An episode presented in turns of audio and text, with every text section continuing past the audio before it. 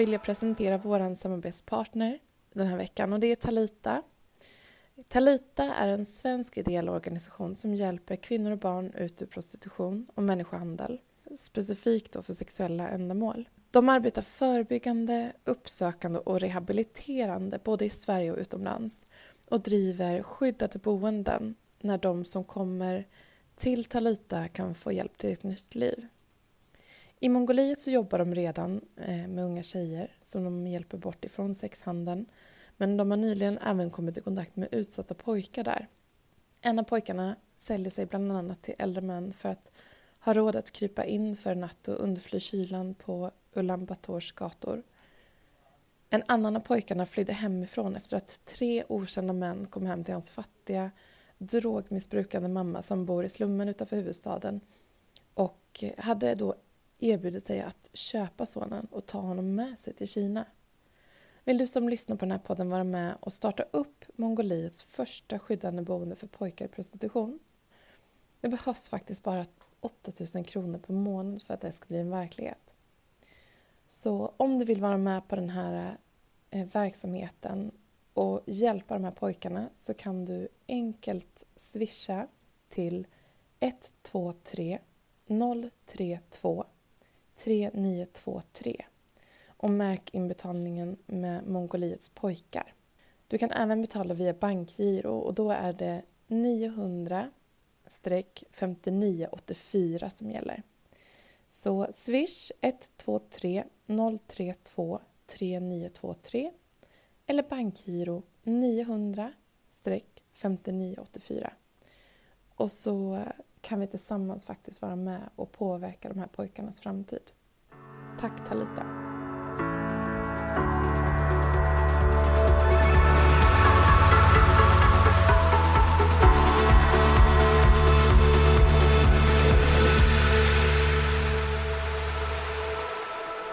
Vi hade en live-inspelning på vår eh, YouTube-kanal som vi startade för en kort tag sedan. Där vi pratade med Elisabeth Svantesson som är ekonomisk politisk talesperson för Moderaterna. Du är också första vice partiordförande, sitter i riksdagen. Varmt välkommen till Feministpodden. Vi fortsätter samtalet här. Tack så jättemycket. Du, vilket år! Ja. Det här året känns som många, många månader. Det har ja. hänt så enormt mycket på kort tid. Mm. Var du förberedd för, så att säga, att det, att det här ansvaret skulle kunna landa på dig? Alltså, vi, ingen av oss tror jag liksom var förberedda på hur, menar, hur, hur den här pandemin skulle slå in liksom, rakt in i Sverige. Mänskligt lidande men också påverka ekonomin så enormt mycket. Däremot så man har jobbat politiskt länge och, eh, och har det här uppdraget som jag har så är man alltid förberedd på att ta ansvar och vara med och göra det bästa av den situationen. Så att, eh, men man, jag var inte förberedd på krisens allvar. Men jag känner mig ändå väl förberedd för att möta en kris. Om du förstår skillnaden. Absolut. Eh, berätta om eh, liksom, när du fick det första sammankallade mötet. Krismötet. Jag kommer inte riktigt ihåg det första mötet men jag minns i slutet på februari eh, när jag försökte lägga ihop olika delar vad som hände i Italien, i Kina och andra delar eh, runt om. Eh, att vad det här skulle kunna få för konsekvenser om vi inte fick stopp på smittspridningen. Eh, och jag skrev då på min, min page just om det där att kan inte världens länder nu få stopp på smittspridningen så kommer det här bli, riskera bli en djup och snabb kris. Men när jag skrev det så kunde jag ändå inte föreställa mig hur snabbt och djupt det här skulle bli och gå. Det här, skillnaden på den här krisen och alla andra kriser är ju att det här inte är, det är ingen ekonomisk kris som beror på obalanser i finansiella systemet eller att vi behöver en strukturomvandling. Det är ju ett virus och det kunde man nästan inte förbereda sig på. Men så fort det här drog igång då började vi jobba internt på vilken typ av åtgärder behövs nu för att rädda jobb och företag. Och regeringen gjorde detsamma. Och sen har det varit samspel. Jag minns inte exakt första mötet men vi har haft väldigt många utskottsmöten i finansutskottet för att hantera de här förslagen. Hur, hur fortgår och hur funkar det arbetet? Jag menar, det är begränsat hur många som får träffas. Eh, och eh, man är ju beroende av den dialogen ändå. Absolut. Just finansutskottet har gått lite på sidan av övriga riksdagsarbete kan man säga. Vi har ju haft väldigt många möten eh, och träffats. Däremot har vi corona-möblerat eh, i vårt rum så varannan stol är stort rött märke på en plast. Man får inte sätta sig så vi håller distans och sådär. Men dit kommer ju också ministrar, eh, myndighetschefer så vi har haft vi har haft många möten och väldigt många fysiska möten. Övriga riksdagen är ju nerbantad. Det är 55 ledamöter istället för 349 som röstar. Eh, men just finansutskottet har ju varit tvungna att haft många, många möten för att hantera krisen. Mm. Hur, alltså fram till nu egentligen och, och, förmodligen en bra bit in på hösten så kommer fokus vara att liksom, hur håller vi igång eh, olika marknader som inte har så stor efterfrågan för att liksom, det ska kunna växa till och gå, återgå till det normala. Eh, men hur återgår vi sen till det normala? Vad, vad kan vi se som, som medborgare? Jag tänker att det blir någon slags nya normala. Dels så tror jag att efter den här krisen att vi kommer byta lite beteenden. Vi kommer se en viss strukturomvandling. Eh, men sen många företag eh, kommer ju kunna, eftersom vi nu stoppar in väldigt mycket pengar genom korttidspermitteringar, genom direkta stöd och så vidare. Så kommer många företag att kunna övervintra den här akuta fasen. Eh, och det gör ju att när väl smittspridningen har dämpats och när vi kan börja leva mer normala liv så kommer efterfrågan på kulturaktiviteter, sport, resor och annat. Resor kanske dröjer lite men det är mycket som kommer att efterfrågas igen. Vi kommer att gå och shoppa mer på stan igen och så vidare. Eh, men eh, när det blir är svårt att säga. Det beror på smittspridningen. Mm. Sen tror jag ändå att vi har förändrat lite grann av våra beteenden. Jag tror att e-handeln kommer att fortsätta gå ganska bra även efter den här krisen. ja, exempel. förmodligen. Mm. Mm. Vad eh, ser du för, vad, vad, diskuterar ni för typ av beslut och åtgärder från politiskt håll? De senaste då, månaderna har vi ju fattat flera viktiga beslut om eh, till exempel korttidspermittering som kommer att beröra ungefär en halv miljon människor. Det vill säga att man, man, man permitteras, man går ner i lön, man jobbar inte heltid, man, man går ner i tid och staten är med och bidrar och arbetsgivaren en viss del. Det har varit viktigt. Men andra typer av direkta stöd, vi har ju drivit på för omsättningsstöd. De här företagen som har gått liksom från 100 till 10 i omsättning bara inom loppet av några veckor de behöver stöd för att kunna övervintra. Så den typen av stöd, men också till a-kassa för den som är arbetslös. Så, och, det, och det har varit pengar till sjukvården, till eh, universitet. Alltså, vi har fattat så enormt många beslut för väldigt, väldigt stora belopp under en kort tid. Normalt sett så tar en del av de här förändringarna som vi nu har fattat beslut om enormt lång tid. Månader och kanske något år ibland. Nu har det hamnat om några veckor. Mm. Eh, ni Eh, har ju ett samarbete med ja, Finansinspektionen och Riksgälden och såklart eh, Riksbanken också. Eh, hur ser det samarbetet ut er emellan? Man tänker att Riksbanken först och främst de ansvarar för penningpolitiken och eh, riksdag och regering för finanspolitiken. Sen har Riksbanken, Finansinspektionen och eh, Riksgälden har också ansvar för den finansiella stabiliteten på olika sätt. Speciellt Finansinspektionen har ju ansvar för den, det man kallar för makro makrotillsyn. Ehm, så de som leder de organisationerna träffas ju. Och Finansdepartementet är det då Per Bolund som är finansmarknadsminister. Så de har ju möten, men de fattar ju enskilda beslut. De, är ju helt, de, de har inte kollektiva beslut, men de träffas ju och diskuterar läget. Ehm, så att än så länge, det här är ju ingen finanskris heller. Och vi hoppas att vi slipper det. Så, så handlar det mer om att med finanspolitiken fatta riktiga beslut. Och att Riksbanken med penningpolitiken har ställt ut 500 miljarder gör ju att det finns eh, likviditet eh, när företag behöver låna. Kommer den siffran att stiga? Det är svårt att säga men det är ju inte, jag tror att det är, det är inte en, kanske en tredjedel, knappt hälften använt som, som, som är använda. Så jag, man ska aldrig säga aldrig. De är nog beredda att göra mer om det skulle behövas. Mm. Jag kan tänka mig att många företag kanske inte har sökt permittering exempelvis för hela perioden som det är möjligt. Utan man avvaktar kanske till hösten och ser mm. vad som... Man kan väl ansöka några månader i taget mm. också. Mm. Om man då tittar på liksom, länder som har varit mer aktiva i krisen, vilka länder har varit mer aktiva? när det gäller mer av direktstöd så var ju Danmark väldigt snabba, Tyskland var snabba, Norge tycker jag var snabba på att, liksom, att göra mer för företagen. Nu har vi börjat komma ikapp dem. Vi har pressat på flera partier, nu har vi kommit ikapp dem lite mer, vilket är bra. Det gäller liksom penningpolitiken, alltså, centralbankerna säger ofta, jag menar, eh, USA, där är man ju snabb. Där var ju också politiken väldigt snabb. Då ska man dock komma ihåg att... Det är en annan ägarstruktur också. Absolut. Mm. Jag tänkte kort bara med med USA. För att man, liksom, det här med att 37 miljoner människor eh, har förlorat jobbet sedan alltså, ja, mars, på nio veckor. Det säger någonting. April försvann 20 miljoner jobb. Det säger någonting om vilken typ av kris det här är. Mm. Och också hur tacksamma vi ska vara för det skyddsnätet som vi ja. har i Sverige, ja, tänker jag. Absolut. Um, och det är därför de ägnar sig mer åt kanske stora stimulanspaket redan nu med helikopterpengar. Därför att där finns inte samma skyddsnät. Där har man inte a-kassa på samma sätt eller sjukförsäkring eh, som vi har i Sverige. Mm. Eh, men man kan ju ändå se att ni har gjort liksom riktade helikopterpengainsatser som är med a-kassan exempelvis mm. som ni har höjt. Mm. Men vad, vad, tror du mer kan komma att behövas? Vi pratar om liksom vissa branscher som går riktigt bra i krisen, som du säger, e-handlare och så vidare. Eh, är det några som ni tror det kommer ta längre tid att få, få igång så att säga? Ja, jag tror när det gäller företagen och branscherna så tror jag att turistnäringen kommer att ha, nu får vi se vad som händer om man får resa i Sverige. Men vi kommer ju inte ha, jag tillbringar mycket tid i Gamla stan. Just nu finns inte en ryss, inte en kines, inte en skolklass från Trelleborg. Inget, det är helt tomt i Gamla stan. Så vad som händer där blir ju intressant och hur det, det utvecklas. Den branschen kommer ju ha det tufft. Eh, så får vi se vad Folkhälsomyndigheten säger när det gäller olika riktlinjer. Vad, vad vi får göra. Mm. Hur de här branscherna kommer att komma, kunna komma tillbaka. Eh, men det är ju företagen. När det gäller om man tänker på hushållen så är det ju vanligt i finanskriser, ekonomiska kriser, att man vill se helikopterpengar eller stimulera efterfrågan.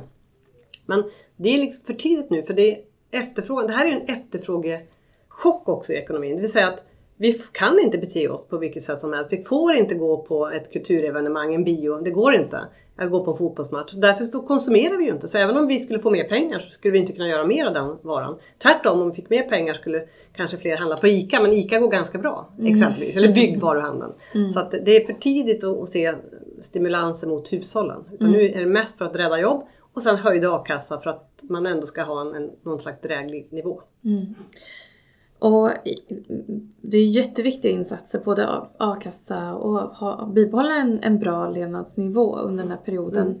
Man ser ju att varje kris har ju följ, följs av psykisk ohälsa i mycket större utsträckning. Eh, och eh, vad, vad som händer där i eh, ja, man sett väldigt negativa liksom, hälsokonsekvenser. Eh, både 30-talet, Lehman Brothers 2008, eh, mm. skuldkrisen i södra Europa för några år sedan. Eh, vad tror ni att ni kan göra där? Det är en viktig fråga och vi pratar lite för lite om det tycker jag i politiken just nu. Nu är vi väldigt fokuserade på ekonomin men i ekonomins spår följer ju också, eh, inte, alltså det följer som du säger, mycket psykisk ohälsa. Om man, ens livsverk har gått, man har gått i konkurs eller man har förlorat sitt jobb. Eller man är orolig för att förlora jobbet så är det väldigt många som mår dåligt redan nu och som kommer att må dåligt framöver. Och här finns det se till att välfärden, att psykiatrin, att det finns psykologhjälp. Hela den biten kommer bli väldigt viktig. För många mår väldigt, väldigt dåligt. Nu pratar vi om, om de coronasmittade och det är ju med all rätt vi gör det för väldigt många kämpar just nu för sina liv för att man är coronasmittad. Men det kommer också att vara människor som, ja, som, som eh, kämpar väldigt hårt med sin psykiska ohälsa. Eh, och där behöver vi nog göra ännu mycket mer under, under hösten. Mm. Eh, till exempel om man tittar på eh, liksom, den första vågen av nu digitaliserad vård som man har fått. Eh, Kry, den typen av appar. Mm som man kanske inte har först och främst använt på samma sätt som man kanske inte använt det i handeln. Man kanske har gått till butiken mm. som en fredagstradition och handlat inför helgen liksom. Men nu har man tvingats att, man har suttit i karantän och tvingats att beställa hem sin, mm. sin matkasse. Eh, och Kry lika så. Man har något symptom, kan inte gå ut och ringa. Jag tänker det måste ju vara ett, en, liksom, ett bra verktyg även eh, för den psykiska ohälsan. Mm. Som vi förmodligen kommer se liksom, få Ja, Absolut. Så mitt i all, all kris, det som är jobbigt just nu, så kommer det ofta att vi kommer att se nya beteendemönster. Vi kommer att, det är en slags strukturomvandling även på det här området. Och, och, och eh, om man, mår psykiskt, man har psykisk ohälsa så kan det ju, finns ju fantastiska faktiskt eh, hjälp att få digitalt på olika sätt som du säger.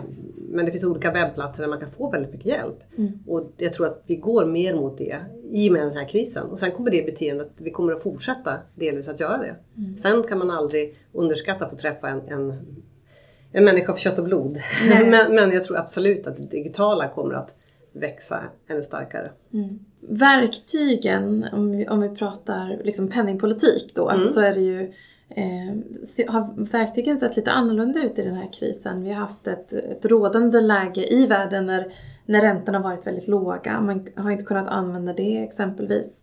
Eh, vad, vad tänker du, eh, jag vet att det inte är ditt ansvarsområde rent konkret, men ändå om, om det här nya normala också eh, med lägre ränta. Eh, och kommer, kommer det att, att bibehållas eller kommer vi se en förändring där? Jag tror att vi kommer att leva med en lågräntemiljö under väldigt lång tid. Eh, och att räntan är så låg nu gör ju också att penningpolitiken inte riktigt har samma verktyg som tidigare. Nu har man visserligen stö- stödköper statsobligationer, kommunobligationer och går inne på företagsobligationer. Men det kommer att vara, man har inte samma muskler eh, menar jag som tidigare som Riksbank. Vi kommer att ha en låg räntemiljö. Om de kommer att sänka räntan eller inte, det vet jag inte. Den är ju väldigt låg. Däremot kommer då finanspolitiken spela en större roll. Det här sa jag ju innan den här krisen. Att i nästa kris kommer finanspolitiken behöva spela en större roll. Det ser vi ju nu. Men penningpolitiken har också visat att man ändå har muskler genom de här 500 miljarderna genom att stödköp och sådär. Mm. Men vi kommer att leva med en låg, i en lågräntemiljö länge. Mm. Tror du att det finns en risk för eh, kraftigt ökade bankförluster? Alltså det, som, det man kan se på risksidan är ju att banker är väldigt exponerade mot eh, kommersiella fastigheter. Om den här krisen pågår länge och många hyresgäster får svårt att betala så finns ju en risk till exempel där som jag ser. Eh, men vi ser inte just nu en tendens till att det här ska gå in liksom i, som i, i en, att bli en finanskris. Men det skulle kunna bli det. Exempelvis genom att, att eh, hyresgäster inte kan betala sina hyror och att fastighetssektorn får problem. Mm. Så helikopterpengar också, det, blir förmodligen inte... pengar kommer inte från ovan i, i Sverige, i, det närmaste. Så kan vi säga till alla lyssnare.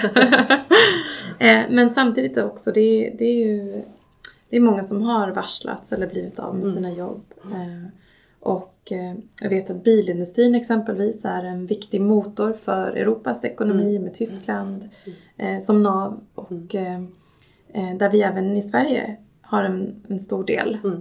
Eh, Kommer man att göra riktade insatser mot den typen av industrier tror du? Just nu tror jag stödinsatserna går ju till generellt till många företag eh, och sen det här omsättningsstödet till de som har tappat mest. Eh, Sen får vi se hur det utvecklas. Jag tror att man behöver göra en hel del sen för att få människor eh, som blir arbetslösa att kunna ställa om kanske. Kortare kurser på universitetet om man har en utbildning redan. Eller har man ingen utbildning alls så behöver man verkligen få det. Eh, att- Så man blir anställningsbar så fort som ekonomin vänder upp igen. Sen många kommer ju kunna gå tillbaka till sina branscher. Men alla kommer inte kunna gå tillbaka till sina gamla jobb och då gäller det att, att det finns bra förutsättningar att ställa om. Eh, att plugga tillfälligt, kanske under kortare tid eller få hjälp att hitta ett nytt jobb. Då måste Arbetsförmedlingen fungera. Då måste man få en kontaktperson som man kan bolla med. Eh, om, om vi skulle tänka att det blir en andra våg nu under hösten exempelvis. ehm, tror du att den, den eh, liksom, budget som ni har lagt eh, för de åtgärder som behövs även under hösten, tror du att den kommer att hålla eller kommer det att... Nej, den kommer inte att hålla. Nej. Utan vi har ju spräckt vallarna hela tiden nu kan man säga, de här månaderna för att ju, när vi har sett hur djupt det har blivit har vi också försökt möta upp med krispaket som faktiskt kan rädda jobb. Och skulle det komma en andra våg som gör att liksom efterfrågan dämpas igen i vissa sektorer kommer vi med stor sannolikhet behöva göra mer riktade insatser. Man kan tänka sig turistbranschen under liksom sommaren eller någon annan bransch. Ehm, det är för tidigt att säga nu men jag tror att eh, det, kommer, det här året kommer Sverige ha ett stort underskott. Statsskulden kommer att öka. Eh, men den kommer fortfarande vara på en nivå som Sverige klarar av. Mm. Eh, vi har ju en ganska låg statsskuld ändå i jämförelse till andra europeiska länder. Eh, och jag vet att man har ju hört de senaste åren att vi, har, vi, har, vi förbereder oss för tuffare tider Mm. så att säga. Eh, vad tror du, tror du det kommer komma några ytterligare åtgärder, skattehöjningar eller så vidare till följd av att ja, men, skulden ligger lite för högt? Där tror jag kommer bli politiska konflikter. Just nu har vi väldigt få konflikter. Vi driver på som opposition, vi lägger fram förslag, vi jobbar ihop sådär. När det kommer till, till ja, några månader eller ett halvår och ett år framåt så tror jag vi kommer att ha skiljelinjer i hur vi ser att det här ska finansieras. Eh, jag menar att höjda skatter är inte rätt väg att gå, särskilt om vi är i en lågkonjunktur för då förstärker vi den lågkonjunkturen. Eh, däremot så finns ett arbete att göra, hålla ner en del utgifter. Eh, vi har ju haft en fantastisk högkonjunktur. Utgifterna har bara ökat enormt. Och jag har ju kritiserat finansministern för att hon har sparat för lite. Nu har vi sparat, inte så, men vi skulle kunna ha sparat mer. Men jag tror att vi behöver se över våra utgifter också. Exempelvis. Eh, så att, eh, jag tror att diskussionen kommer vi nog att se. Däremot kommer det att finnas risk för att många kommuner och regioner känner sig manade eller tvingade att höja skatten. Det är där som, man, eh, som förskolorna, skolorna och äldreomsorgen sker. Och då menar jag att det att staten skjuter till resurser än att de höjer skatten. Därför att, att höja just inkomstskatten, det är det, det som då sker, det är ju eh, inte bra av många skäl, men inte bra ur, ur konjunkturperspektiv heller. Mm.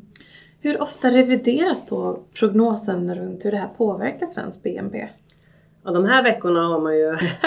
eh, först och främst kallar man det ju inte prognoser just nu utan scenarier. Eh, men, men eh, normalt kommer väl Konjunkturinstitutet ut varje kvartal med en ny BNP-prognos. Nu gör man det oftare. Men den är ju mer osäker än någonsin. Så finansministern hade ju en, en prognos när hon presenterade vårbudgeten i april. Sen två veckor senare gjorde hon en ny, Finansdepartementet en ny prognos. Eh, och jag förstår att de gör det därför att det, det, går så snabbt. Men alla prognoser är hur osäkra som helst. Så de kommer oftare nu. Men de är mer osäkra än någonsin. Det enda man kan veta är att det kommer inte bli exakt som de här prognoserna pekar på. Men det vi vet är att det just nu är ganska illa och att Q2 kommer bli väldigt, eh, där har ett ordentligt BNP-tapp. Mm. Precis, och det leder mig in på nästa fråga. För att om man tittar på de börsnedgångar, vi jobbar ju både mot entreprenörer och investerare i Feminvest. Eh, om man tittar på, de, eller på den kraftiga börsnedgången så var det i februari, i mitten av februari. Och där eh, hade vi ju egentligen inte något facit överhuvudtaget. Det var ju stark rädsla liksom, mm. som bidrog till mm. det fallet. Eh, och därefter så har vi sett sakta men säkert ändå en ganska snabb uppgång. Eh, och det har vi kategoriserat den här krisen att det var snabbt ner men också eh, nu så ser vi att det är, liksom, det är som en V-kurva så att säga. Eh, och det här fallet tillträdde, när man sen fick rapporterna ifrån bolagen från Q1 så såg man att okej, okay, de här bolagen har gått ganska bra ändå under den här mm. perioden mm. men däremot Q2-rapporterna förväntas ju vara rejält mm. mycket mm. sämre. Eh, vad tänker du då om, om liksom de närmaste månaderna där och, och börsens utveckling? Mm. Jag tänker att börsen kanske går som ett V men svensk ekonomi kommer nog inte göra det. Det här är inte ett V. Jag tror inte på ett V-scenario i svensk ekonomi. Utan jag tror att det här kommer bli mer utdraget. Mer som ett U. Eller som ett Nike-märke. Liksom ner och så mm. snett sakta uppåt. Eh, ja, men, men eh, vi får se. Men börsen reagerar väl också på att det kom st stora paket. Både, alltså, Sveriges regering och riksdag och världens liksom, regeringar och parlament har satsat stort. Och centralbankerna går ut med stora stödpaket. Det är en signal om att vi tänker göra väldigt mycket för att rädda jobben. Eh, men jag jag, jag, är lite förvånad att gått, börsen har gått så snabbt upp. Men det, marknaden vet någonting som jag inte vet kanske. Ja. Jag är nog lite mer bekymrad än, än marknaden och marknadens robotar. Ja exakt, det är många som pratar om en, en, en nedgång, ja. en W. Ja, så kan det också vara. Eh, mm. På börsen just. Mm. Eh, och att man med de nya rapporterna som kommer ja. trilla in nu. Ja. Låt oss hoppas att det här blir ett V både på börsen och i svensk ekonomi. Att det lyfter ganska snabbt igen. Eh, jag hoppas att jag, mina misstankar är fel. Och att, mm börsen har rätt. Vad tänker du då om eh, men, permitterade bolag så att säga som stoppar utdelningar? Mm. Och den, men för mig har det varit självklart hela tiden. Eh, därför att vår, hela korttidspermitteringssystemet är ju att man söker de pengarna. Och man söker de pengarna för att man har ekonomiska problem. Man kan, för mig är det självklart att alla bolag får göra hur mycket utdelning de vill. Men om man från skattebetalarna kommer till skattebetalarna och säger nu skulle vi vilja ha hjälp att rädda väldigt många jobb här och betala, betala lönerna. Jag tycker jag också givet att man håller inne med utdelningarna. Därför att det, det liksom, ja, det, det, det är grund, grunden för mig det är ganska enkelt. Eh, så det tycker jag är självklart att under den tiden man har de här korttidsstöden som man faktiskt har sökt om, och det är frivilligt, då ska man inte själv eh, samtidigt göra stora utdelningar. Mm. Om man då räknar om de här effekterna i kronor och ören. Eh, vad blir, vad landar notan på? Vad kommer det här kosta? Ja, det kommer bli ganska många hundra miljarder, några hundra miljarder. Bara korttidspermitteringar räknar väl att kosta uppåt kanske 90 miljarder i år. Eh, direktstöden, Och arbetsgivaravgiftssänkningar. det revideras ut från början var det 20 Ja. någonting. Ja. Först är det många fler som har använt än vad någon trodde. Och det visar ju också krisens djup. Att så många hade, har ekonomiska problem och behöver korttidspermittera. Sen har vi arbetsgivaravgiftssänkningar som kostar bra många miljarder i månaden. Sen får vi se hur länge, nu är det juni ut. Det kommer bli, innan året är slut så har vi några hundra miljarder i utgifter eh, skulle jag tro. Vi, vi får se vart det landar totalt sett. Mm. Sen har vi också i Sverige en ganska unikt agerande i den här krisen genom att hålla samhället öppet till viss Mm. del. Eh, hur, eh, har du några tankar? Det, det förs ju en debatt runt, är det, eh, är det liksom positivt att gå, stänga ner och sen, ja men som i Danmark, öppna upp och nu kan man gå, kanske gå på teater inom kort och så vidare. Eller är, det, är vi på rätt spår? Det är jättesvårt att veta. Vi kommer veta det antagligen om några år. Personligen är jag glad att vi inte har stängt ner Sverige helt. Att vi har hållit grundskolorna öppet. Att vi ändå kunnat vara, vistas ute men, men ändå med restriktioner. Sen om det är rätt och kommer att bli, vara rätt strategi, det får ju framtiden utvisa. Men det är inte så att vi som parti har opponerat mot den, mot den hållningen. Eh, att stänga ner helt påverkar ekonomin också ännu mer. Det har ju varit väldigt tufft eh, i de här ekonomierna där man då har stängt totalt. Så att, eh, jag hoppas att Sverige valde rätt väg. Eh, men samtidigt så vi har ju väldigt många dödsfall. Så är det ju. Men vi får se också när, när, när det har gått ett och två år, när man kan göra en riktig utvärdering just av, av, av vägvalet, eh, att vi valde rätt. Mm. Ehm, vilket ansvar, vi var inne på bank, risken för kreditförluster för hos Mm. bankerna. Vilket ansvar ligger på bankerna i den här, i den här krisen? Jag tycker att banker har ett stort ansvar att se till att det finns liksom, eh, eh, ja, att, att företagen har likviditet. Och både Riksbanken har ju ställt pengar till förfogande och vi har ju gjort, ställt pengar till förfogande i bemärkelsen att till exempel företagsakuten som finns, där tar staten upp 70% av risken om och man går via bankerna då. Så därför borde bankerna verkligen göra allt vad de kan för att se till att grunden livskraftiga företag också har, har möjlighet att överleva. Och staten tar en stor del av risken. Så de är ju, har ju en viktig funktion här att fylla. Eh, och jag hör en del företag som tycker att det här funkar väldigt bra. Andra som är väldigt bekymrade över att de inte kommer att klara sig ja, om de inte får stöd av bankerna. Mm. Du, vi frågade även på, i, vår, i samtalet vi hade på Youtube-kanalen om eh, vad du skulle göra i sommar. Nu har vi lite restriktioner på vad man får göra. Det är ju ett flygplan som kan ta oss till, till Haparanda har jag hört. Ungefär så, ja precis. Vad ska du göra? Jag tänker hålla mig hemma. Jag har en lägenhet i Örebro, jag bor i Örebro. Så har jag ett litet hus ovanför Nora. Eh, Det är ju samma region med 45 minuters mellanrum. Så där tänker jag hålla mig hela sommaren. Så mycket som jag kan vara om jag inte behöver vara i riksdagen en del. Eh, jag tycker ju om att vara i Sverige på sommaren. Så för mig är det ingen uppoffring alls. Eh, har vi tur så får vi fint väder också. Då kan man njuta av svensk sommar. Det finns väldigt mycket att se och väldigt mycket att göra i de områden man bor. Vi får väl passa på allihop att vara turister i våra egna städer. Det är man ofta rätt dålig på. Jag har köpt en cykelvagn. Ja men då så. Och slänger in ungarna där Ja, bak. De perfekt. tycker det är supermysigt. Det finns ju massor att se. Ja, men bara i Stockholm, Ja. verkligen. Och också när man bor i, i innerstan så har man ett ganska begränsat rörelseområde. Eh, så jag tycker det är jättehärligt. Jag som inte har bott i Stockholm så länge. Jag bodde i London i många år. Eh, så att jag, jag njuter faktiskt av det. Trevligt. Eh, hoppas på fint Det är en fantastisk sommarstad Stockholm. Mm, verkligen. Eh, men du, stort tack för att du ställde upp. Både här och om du ville ha ytterligare svar på lite frågor så finns det en, en del via vår Youtube-kanal. Och hur når man dig om, man har några frågor? Eller? Man når mig allra bäst på min mail elisabeth.svantesson.riksdagen.se Mm. Tack Elisabeth för att du kom hit. Tack för att jag fick komma hit.